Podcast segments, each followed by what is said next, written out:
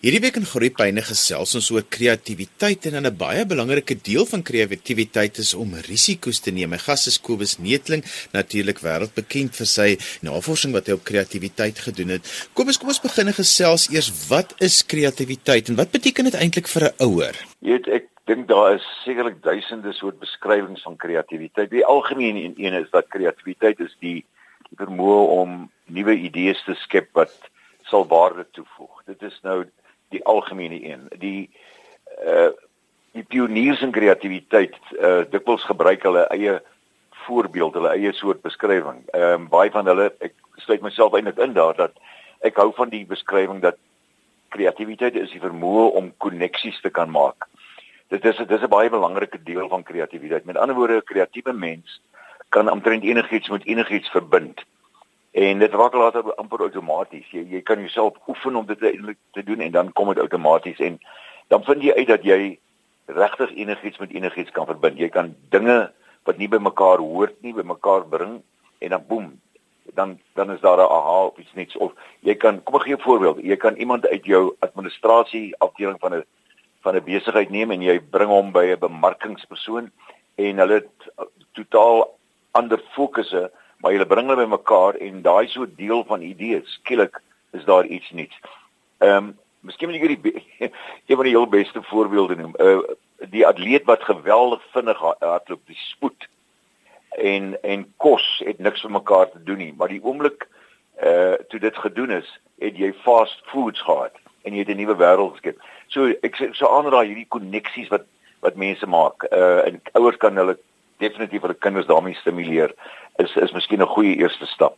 Maar dit bring my dadelik by die vraag is dit iets wat aangebore is, is dit op jou gene of is dit iets wat aangeleer kan word of albei? Ja, dis 'n baie spontane uh, deel van 'n mens.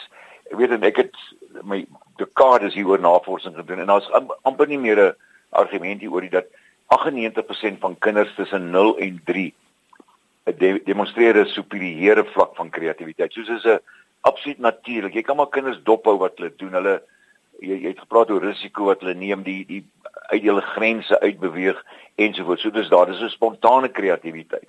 Maar kreatiwiteit kan ook ek onthou my eerste uh, uh lesing by die wêreldberoemde Paul Torrens daar by die Universiteit van Georgia, die eerste wat hy gesê het. En dit is belangrik, dit is belangrik vir mense in besigheid, in skole oral. Hy het gesê, "Remember, it is teachable and learnable." En dit dit is verstom mense soms. Maar ek wat my ek neem myself wat daai deur al daai prosesse gegaan het en en die wonderlike impak wat dit op my lewe gehad het. Ek besef ek kan hierdie goed leer en ek kan 'n ander mens word. So it's learnable and teachable. Maar daar is die spontane aangeborenheid. Maar dit verloor mense. Ek ek weet 98% op die ouderdom van 3, maar ouderdom 10 sak dit tot 32% toe. So daar's 'n ongelooflike afname deur ouerskap wat dit nie reg verstaan nie, deur onderwys. So weet in Suid-Afrika plaas ons nou die klem op hoër onderwys, die die totale vernietiging van ons planeet gebeur in daai jare dink ek van omtrent 3 tot 10 en daar moet die vir my die aksent lê as ons as ons hierdie planeet wil red. Nou kom ons praat oor kreatiewe mense en kreatiewe kinders en hulle bereidheid om hmm. risiko's te waag, want daai waag van risiko's is juis die belangrike ding vir 'n hmm. kind in daai jong ouderdomsfase dat 'n mens dit moet aanmoedig. Ja, hierdie hierdie is is is belangrik wat jy sê want ek dink dit word dikwels ehm um, word dit nie aangespreek nie. Kom kom ek gee uh, die tipiese voorbeeld wat ek dikwels gebruik. As jy 'n 9 maande oue baba op 'n vloer neersit, die eerste ding wat jy weet oor daai baba dat jy kan nie voorspel wat hy of sy gaan doen. Jy kan dit nie voorspel nie. Dit so ons op daai ouderdom was onvoorspelbare mense gewees. Terwyl as ons as volwassenes raak ons volkome voorspelbaar. So daai kind begine beweeg, beweeg onder tafels deur, onder stoele en kom daar by die grens van die van die vertrek uit. Dit is risiko. Dit is om om to probe the edges. Dit is om daar uit te kom. Maar wat doen al die ma ek het hierdie navorsing in 15 lande gedoen. Wat doen feitelik alle ma's pasel natuurlik ook doen. Hulle gaan tel die kind op daar op die grens, daardie uh, risiko areas en bring die kind terug hier na die middel toe. Die auto, dan outomaties weer gaan die kind beweeg. So die die natuurlike mens wil uitvind waar risiko's neem, wil na die grens weer, maar die ma weet dit nie, so die ma bring die die die kind nou terug na die middel toe. Later in tyd van die ma kussings sy bou so 'n kringetjie en sit die kind binne-in. Omdat ouers nie weet hoe om hierdie risiko's te kan bestuur nie. So wat doen hulle? Hulle kies die veiligheidsopsie. Ek kan my kind lekker baie maklik in daai klein kringetjie van kussings kan ek die kind bestuur, maar daar buite is ek onseker. Wat gebeur met ons dan? Wat gebeur met die kind? Vir die kind begin daar 'n soort patroon te vorm hier in die brein wat sê, "Wel, miskien is dit nie so goed om daar na die grense toe te gaan nie, want my my ma sit my elke keer binne in." So dit dit, dit begin te vorm in te neem, hierdie versigtigheidslewe.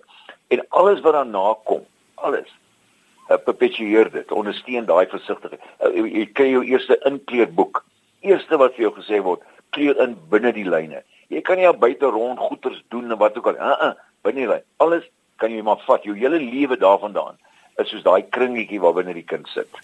Ja, en daar's baie ouers wat eh, hulle kinders geen risiko's toelaat nie wat alles vir hulle kinders doen want eintlik alles Absoluut. wat hulle kinders self doen, sien hulle as 'n risiko dat dit of gaan skeefloop of verkeerd loop of is 'n risiko vir hulle veiligheid. Want 'n uh, risiko is nie net 'n blindelingse ingaan in 'n situasie of 'n ja. dit of net 'n of selfs 'n berekende optrede nie. 'n Mens moet genoeg risiko's toelaat vir jou kinders. Ja, as jy is heeltemal reg. As jy dit nie doen nie, dan weet ons het so 'n model waarvoor ons werk met met, individue en met met organisasies soos dat te sê dat op die 90% mense bly in daai wat ons noem die ordinêre sone. Hulle bly gewoon. Nou miskien is dit nie sleg om gewoon te bly nie, maar daar's soveel ander opsies. Ons het ander moontlikhede, maar jy bly daar. Jy vat nie risiko's nie, jy bly die veilige opsies.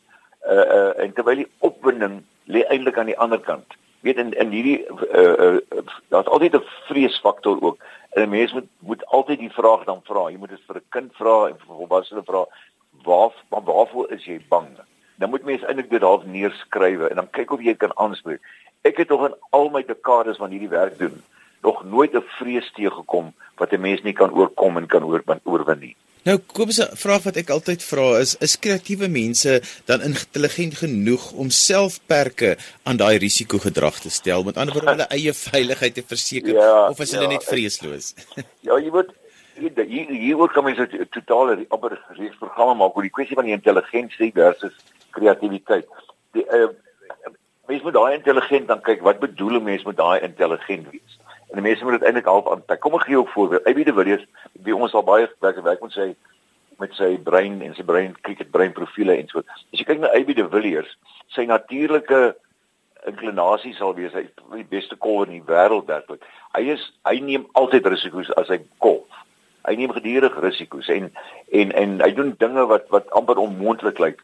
Maar daar is kere in sy wanneer hy golf, wanneer hy moet in die konsentrasie uh uh kwadrant in beweeg. Met ander woorde, daar's tye wat jy nie kan rasend en mal raak amper nie, jy moet konsentreer. So mens moet weer dit ons van van jou risiko ook. Weet wanneer kan jy terwyl weet amper sê oor die grens gaan en wanneer moet jy versigtig wees? Nou waar kom dit vandaan wat jy dit sê? Ek dink jou eie kennis van jou jou jou intuïsie speel 'n baie baie groot rol. Maar maar die vraag moet mense moet vra maar wat waarvan praat ons as ons van intuïsie praat? Weet ek as iemand my vra ek moet 'n 'n brug gaan bou oor 'n rivier en ek moet my eet ek moet 'n bietjie dink daaroor dit is onmoontlik vir my. Ek het nie die kennis en die kundigheid oor jare opgebou oor brugbou nie. So mense in die hierdie kom maar 'n uh, siviele ingenieur sou dit waarskynlik kan doen. Wat wat ek kaders van kennis en agtergrond het om dan uiteindelik amper te kan sien wat daai intuïsie hoe dit gaan wees of 'n voorgevoel te kan ontwikkel. Nou daai dinge kom uh dikwels op 'n gebied waar jy kundig is.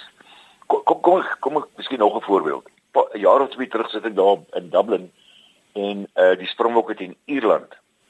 Binne 10 minute het ek geweet die Springbokke uh gaan verloor want hulle die, die Ire het was baie duidelik, het presies geweet hoe die Springbokke gaan speel.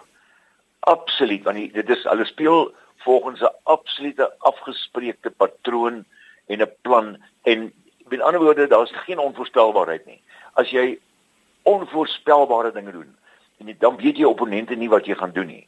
Met ander woorde as jy 'n spel speel wat uh, wat daar nie 'n plan is nie, wat eintlik op ander maniere gespeel word, dan is eintlik wat in sport betref kan jy jou opponente vandag klop anders kan jy nie meer vir hulle klop nie. Jy luister na Groepyne hier op RSG 100 tot 104 FM en wêreldwyd op die internet by rsg.co.za. Onthou jy kan ook na ons luister op die DSTV se audiokanaal 813. My gas vandag is kreatiwiteitskenner en navorser Kobus Netling en ons gesels vandag oor risikogedrag en kreatiwiteit.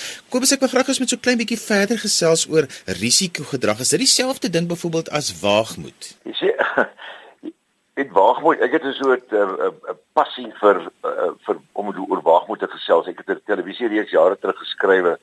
Ek dink dit was 26 episode is uh The Courage to Shake Hands with Tomorrow. Jy sien dit is wat dikwels ontbreek is om kreatiwiteit en waagmoed te kombineer. Ek het uh ek beweeg in hierdie netwerke van kreatiwiteit al jare en jare en daar's so baie kreatiewe reuse wat ek ken wat vir my saamwerk. Hulle is uiters kreatief. Hulle kom met wonderlike nuwe idees na vore, maar niks gebeur nie. En die rede hoekom niks gebeur nie, dit is die frustrasie van baie kreatiewe mense. Hulle het nie die waagmoed om hulle kreatiwiteit te laat gebeur nie. So dis absoluut, daar's nie eens enige twyfel dat die die koneksie tussen waagmoed en kreatiwiteit nie. Want jy kom met iets nuuts, maar dan uh, gaan jy mense al ontstel, jy gaan hulle verward raak omdat jy met 'n hele nuwe ding na vore gekom het, maar dan het jy die waagmoed nodig om dit te laat plaasvind. Anders dan gaan jy gedurig teruggedruk voel. Jy gaan nie die die selfvertroue hê om dinge te doen nie, want jy het nie die waagmoed nie. Maar waagmoed ook is is 'n uh, dis nie net een groot begrip nie. Uh in die reeks wat ek dis is geskryf het en ook in baie boeke wat ek geskryf het hieroor is dat daar verskillende soorte waagmoed. Kom kom ek gee jou een voor. Daar's iets wat ons noem sosiale waagmoed die waagmoed wanneer jy ehm um, of jy is ouer en jou kind is nooit deel van daai kringetjie nie staan altyd buite en so voort. So as 'n ouer is dit ontstellend. Dit maak jou hart seer dat jou kind nie deel is aan nie. Nou wat ontbreek daar? Dis sosiale waagmoed. Die waagmoed om in die menskring in te beweeg. En dit ontwikkel geweldig maklik. Dit is ook teachable en learnable.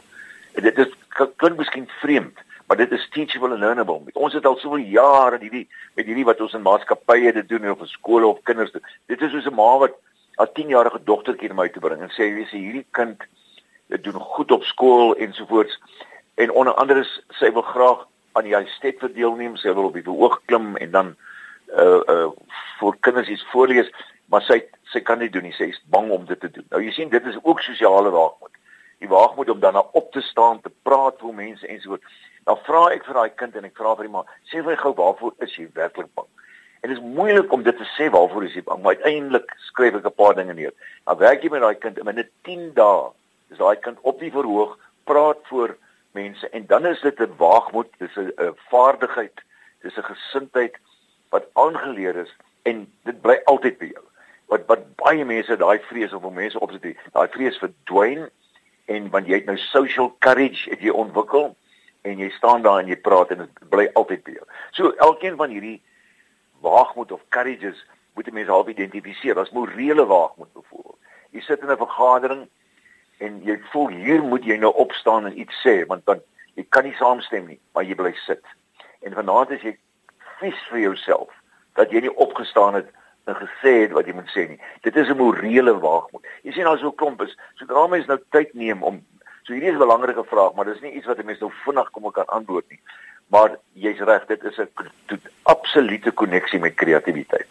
So as 'n mens bereid is om 'n risiko te vat, is dit 'n voorwaarde vir kreatiwiteit? ek ek laat ek dit so antwoord. Dis nie 'n voorwaarde vir kreatiwiteit nie, maar ek dink dit is 'n voorwaarde vir toegepaste kreatiwiteit. In plaas van Engels implied creativity. Jy kan nog altyd 'n klomp idees na vore bring maar om daai idees dan regtig laat dat hy gebruik word en aan die gang kom dan daarvoor dink ek is, is dit 'n voorwaarde. Kom ons praat 'n bietjie oor watter wenke en idees het ons vir ouers dan juis om hulle kinders se kreatiwiteit te ontwikkel en om hulle te help om risiko's te neem. Ek het 'n hele paar onlangse boek weer oor hoe om 'n superkind groot te maak. Dit is nou baie hieroor geskrywe. Ons gaan van die standpunt uit dat jy moet eintlik jou jou kind of jouself jou jou voorkeur of jou dink uh dominansie moet jy vroeg bepaal kyk in watter kwadrant van die brein jou kind die gemaklikste funksioneer. Jy kan dit die waarneming ook doen byvoorbeeld. En dan moet jy die kind probeer uit daai gemaksone probeer Nie dat jy sê die kind moenie daar geanker wees nie, hoegenaamd nie, maar jy moet die kind dan probeer uitbeweeg uit daai geankerde zones uit. En daar is baie maniere om dit te doen. As jy byvoorbeeld 'n kind het wat soos ek pas gesê het, by of miskien 'n gesigtige kind, 'n uh, 'n kind wat altyd die beskerming soek en veiligheid soek en daai wat ons noem die L2 kwadrant daar funksioneer, dan moet jy dit dit is erken dit en is reg so. Maar dan moet jy die kind byvoorbeeld aktiwiteite gee of jy moet vir hom uitneem uit daai jy moet hom na plekke te neem of dinge doen wat vir hom vreemd is dat hy kan vreemdheid ook be beleef of vreemdheid ook kan kan aanvaar of as jy dan 'n kind het wat wat ek amper sê 'n chaotiese kind nie om aanhoudend met daai chaotiese kind te beklei of te stry nie want jy gaan nooit die saak wen nie jy moet probeer dink uit daai R1 brein van daai kind en as jy dit kan doen en daai taal kan begin praat sal jy vind dat die kind ook na die ander kwadrante van van 'n meer orde kan inbeweeg. So daai 'n mens is fleksibel, buigsaam. En ek dink buigsaamheid is baie belangrik veral in die vroeë tye ook as 'n kind jonk is om besef jy kan eintlik tussen klomp dinge inbeweeg en en daai soepelheid van die brein te ontwikkel. Want jy sien jou kind gaan by 'n onderwyser kom uh wat uit 'n ander kwadrant klas gee as wat sy dominansie is. En ons vind dit dit is een van die redes vir die swak prestasies in ons skole absoluut. As 'n onderwyser net het een dominante kwadrant klas gee byvoorbeeld en die kind sit in 'n ander kwadrant, sy dominansie is anders. Dan in Engels sê ons eh, die die die teaching dominance van die van die onderwyser bereik nooit die learning dominance van die kind nie. En daai kind kan baie maklik een daai boeke wat hy geskryf het, is geskryf op as ek dom is juist die op gefokus. En as jy byvoorbeeld as onderwyser kan heel brein klas gee, dit ontwikkel jou kreatiwiteit geweldig want jy beweeg net weet uit uit verskillende kwadrante uit, maar ook gee jy dan vir elke kind 'n kans om om sekuur te kan leer en kan presteer. Kom ons kom ons praat oor 'n praktiese situasie en dit is wanneer kinders fisies beweeg. Hulle speel byvoorbeeld op hierdie speelapparate wat ehm um, met en al hierdie klimplekke en rame en goederse en 'n mens is mos nou maar heeltyd bewus van hulle veiligheid. Maar wat is 'n ouer se rol daar want 'n deel van daai risiko's neem daar is tog ook iets wat wat 'n basis het in kreatiwiteit. So dis nogal moeilik vir 'n ouer om dan te die balans te vind daar. Ja, dis heeltemal reg. Ek weet ek het uh, twee seuns en hulle deur daai prosesse gegaan waar jy sit en jy en elke ouer het maar daai soort onsekerheid of vrees of maar as mens nou werklik dink daaroor, hoeveel kinders, miljoene, der miljoene kinders wat dit elke dag doen. Uh uh beseer hulle self. Is dit weet is is dit 'n dodelike situasie? Omtrent niemand nie.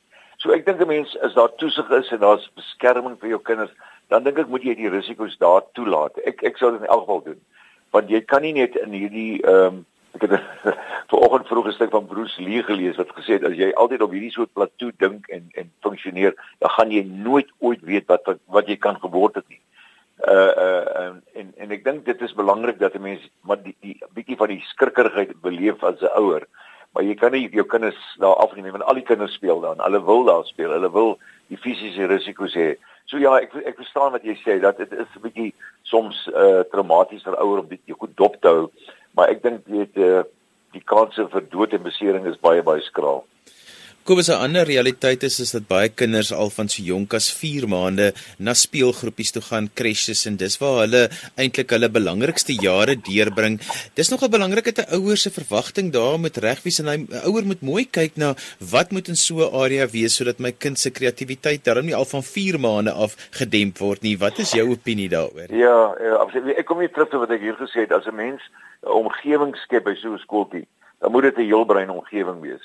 En ongelukkig is baie mense wat hierdie wat skool, enige skool uh uh beheer of bestuur wat ook al nie heeltemal bewus daarvan. Hulle volg miskien oud wêreld wêreldse tradisionele maniere van dinge doen.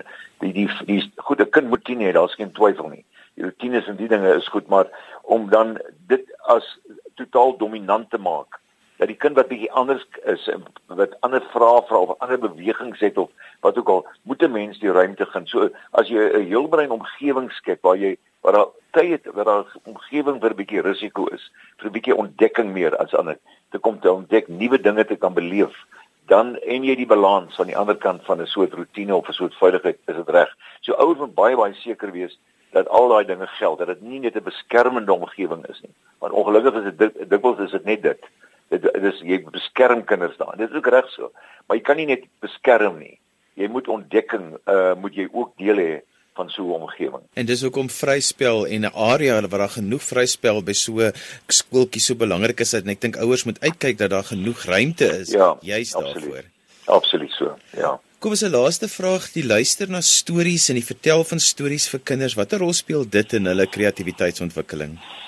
Ja, dit speel 'n groot rol. Weet ek het ek sê maar 'n miljoen jaar terug het ek eh, 'n uh, deel van 'n ek het toe my eerste doktorsgraad uh, gedoen het, het ek spesifiek gefokus op wat is die rol van stories en uh, kinderliteratuur op kinders. Dit is geweldig belangrik. Dit is, is ek het onthou destyds ook die die grootte selfs van die van die boeke wat jy uh, gebruik. As jy 'n klein ou boekie het, dan kan jy dit amper vir die kind gee om dit te blaai en na die prentjies te kyk. Maar as jy 'n groot uh uh boek het, ons noem dit die die two lap boek amper, dan sit jy langs jou kind en die kind is dan saam met jou die die boek gaan oor die oor sy bene en jou bene en en dan voel jy albei is beter. Agterklomp goed, ek weet nie, maar die storie self is gaan belang. Die storie waar jy in die storie self het van risiko's wat gebeur uh wat gebeur nie en en en die kind leef hom in. Dis hoekom 'n kind vir jou sal vra om dieselfde storie 10 keer oor te vertel om om, nou, om gemaklik daarmee te maak uh, te raak en amper in die storie in te kom.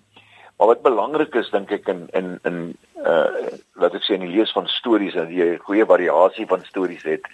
Ehm um, en nie altyd terugval op die ek wil amper sê die ou geuite stories nie. Maar wat uiters belangrik is in al hierdie dinge van waagmoed en risiko en alles, jy moet baie seker wees dat jou waardestelsel geanker is. Dit is baie te dikwels die dinge wat mense nie besef nie.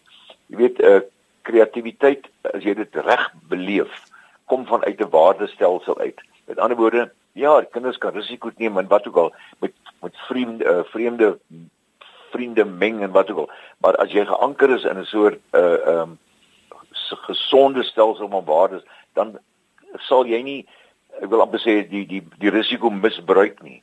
En en ek dink dit is waar ons so verkeerd gaan. Geankerdheid in waardes is altyd die vertrekpunt met kreatiwiteit en al die ander dinge. Jy, jy moet onthou dat daar was onbeskryflike mense in die geskiedenis wat onbeskryflike dinge gedoen, kreatief maar maar hulle het geen waardestelsel gehad. Ek bedoel Hitler was byvoorbeeld voor. Hulle het hulle het ongelooflike dinge gedoen.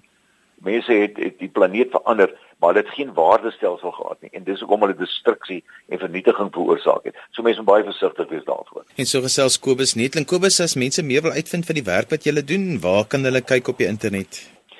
Hulle kan ehm um, ek weet nie altyd waar al die die web, hulle kan na Kobus Netling as hulle my naam kan hulle sal hulle sien by klomp uh ehm um, informasie kry. Webtuis is ons opleidingsprogramme is daar elke jaar 'n wêreld twee wêreldkonferensies ook een vir onderwys uh wat ons elke jaar het. Vir jare sal die 13de jaar internasionale kreatiwiteitskonferensie vir die onderwys is die enigste van sy soort in die wêreld is besonders.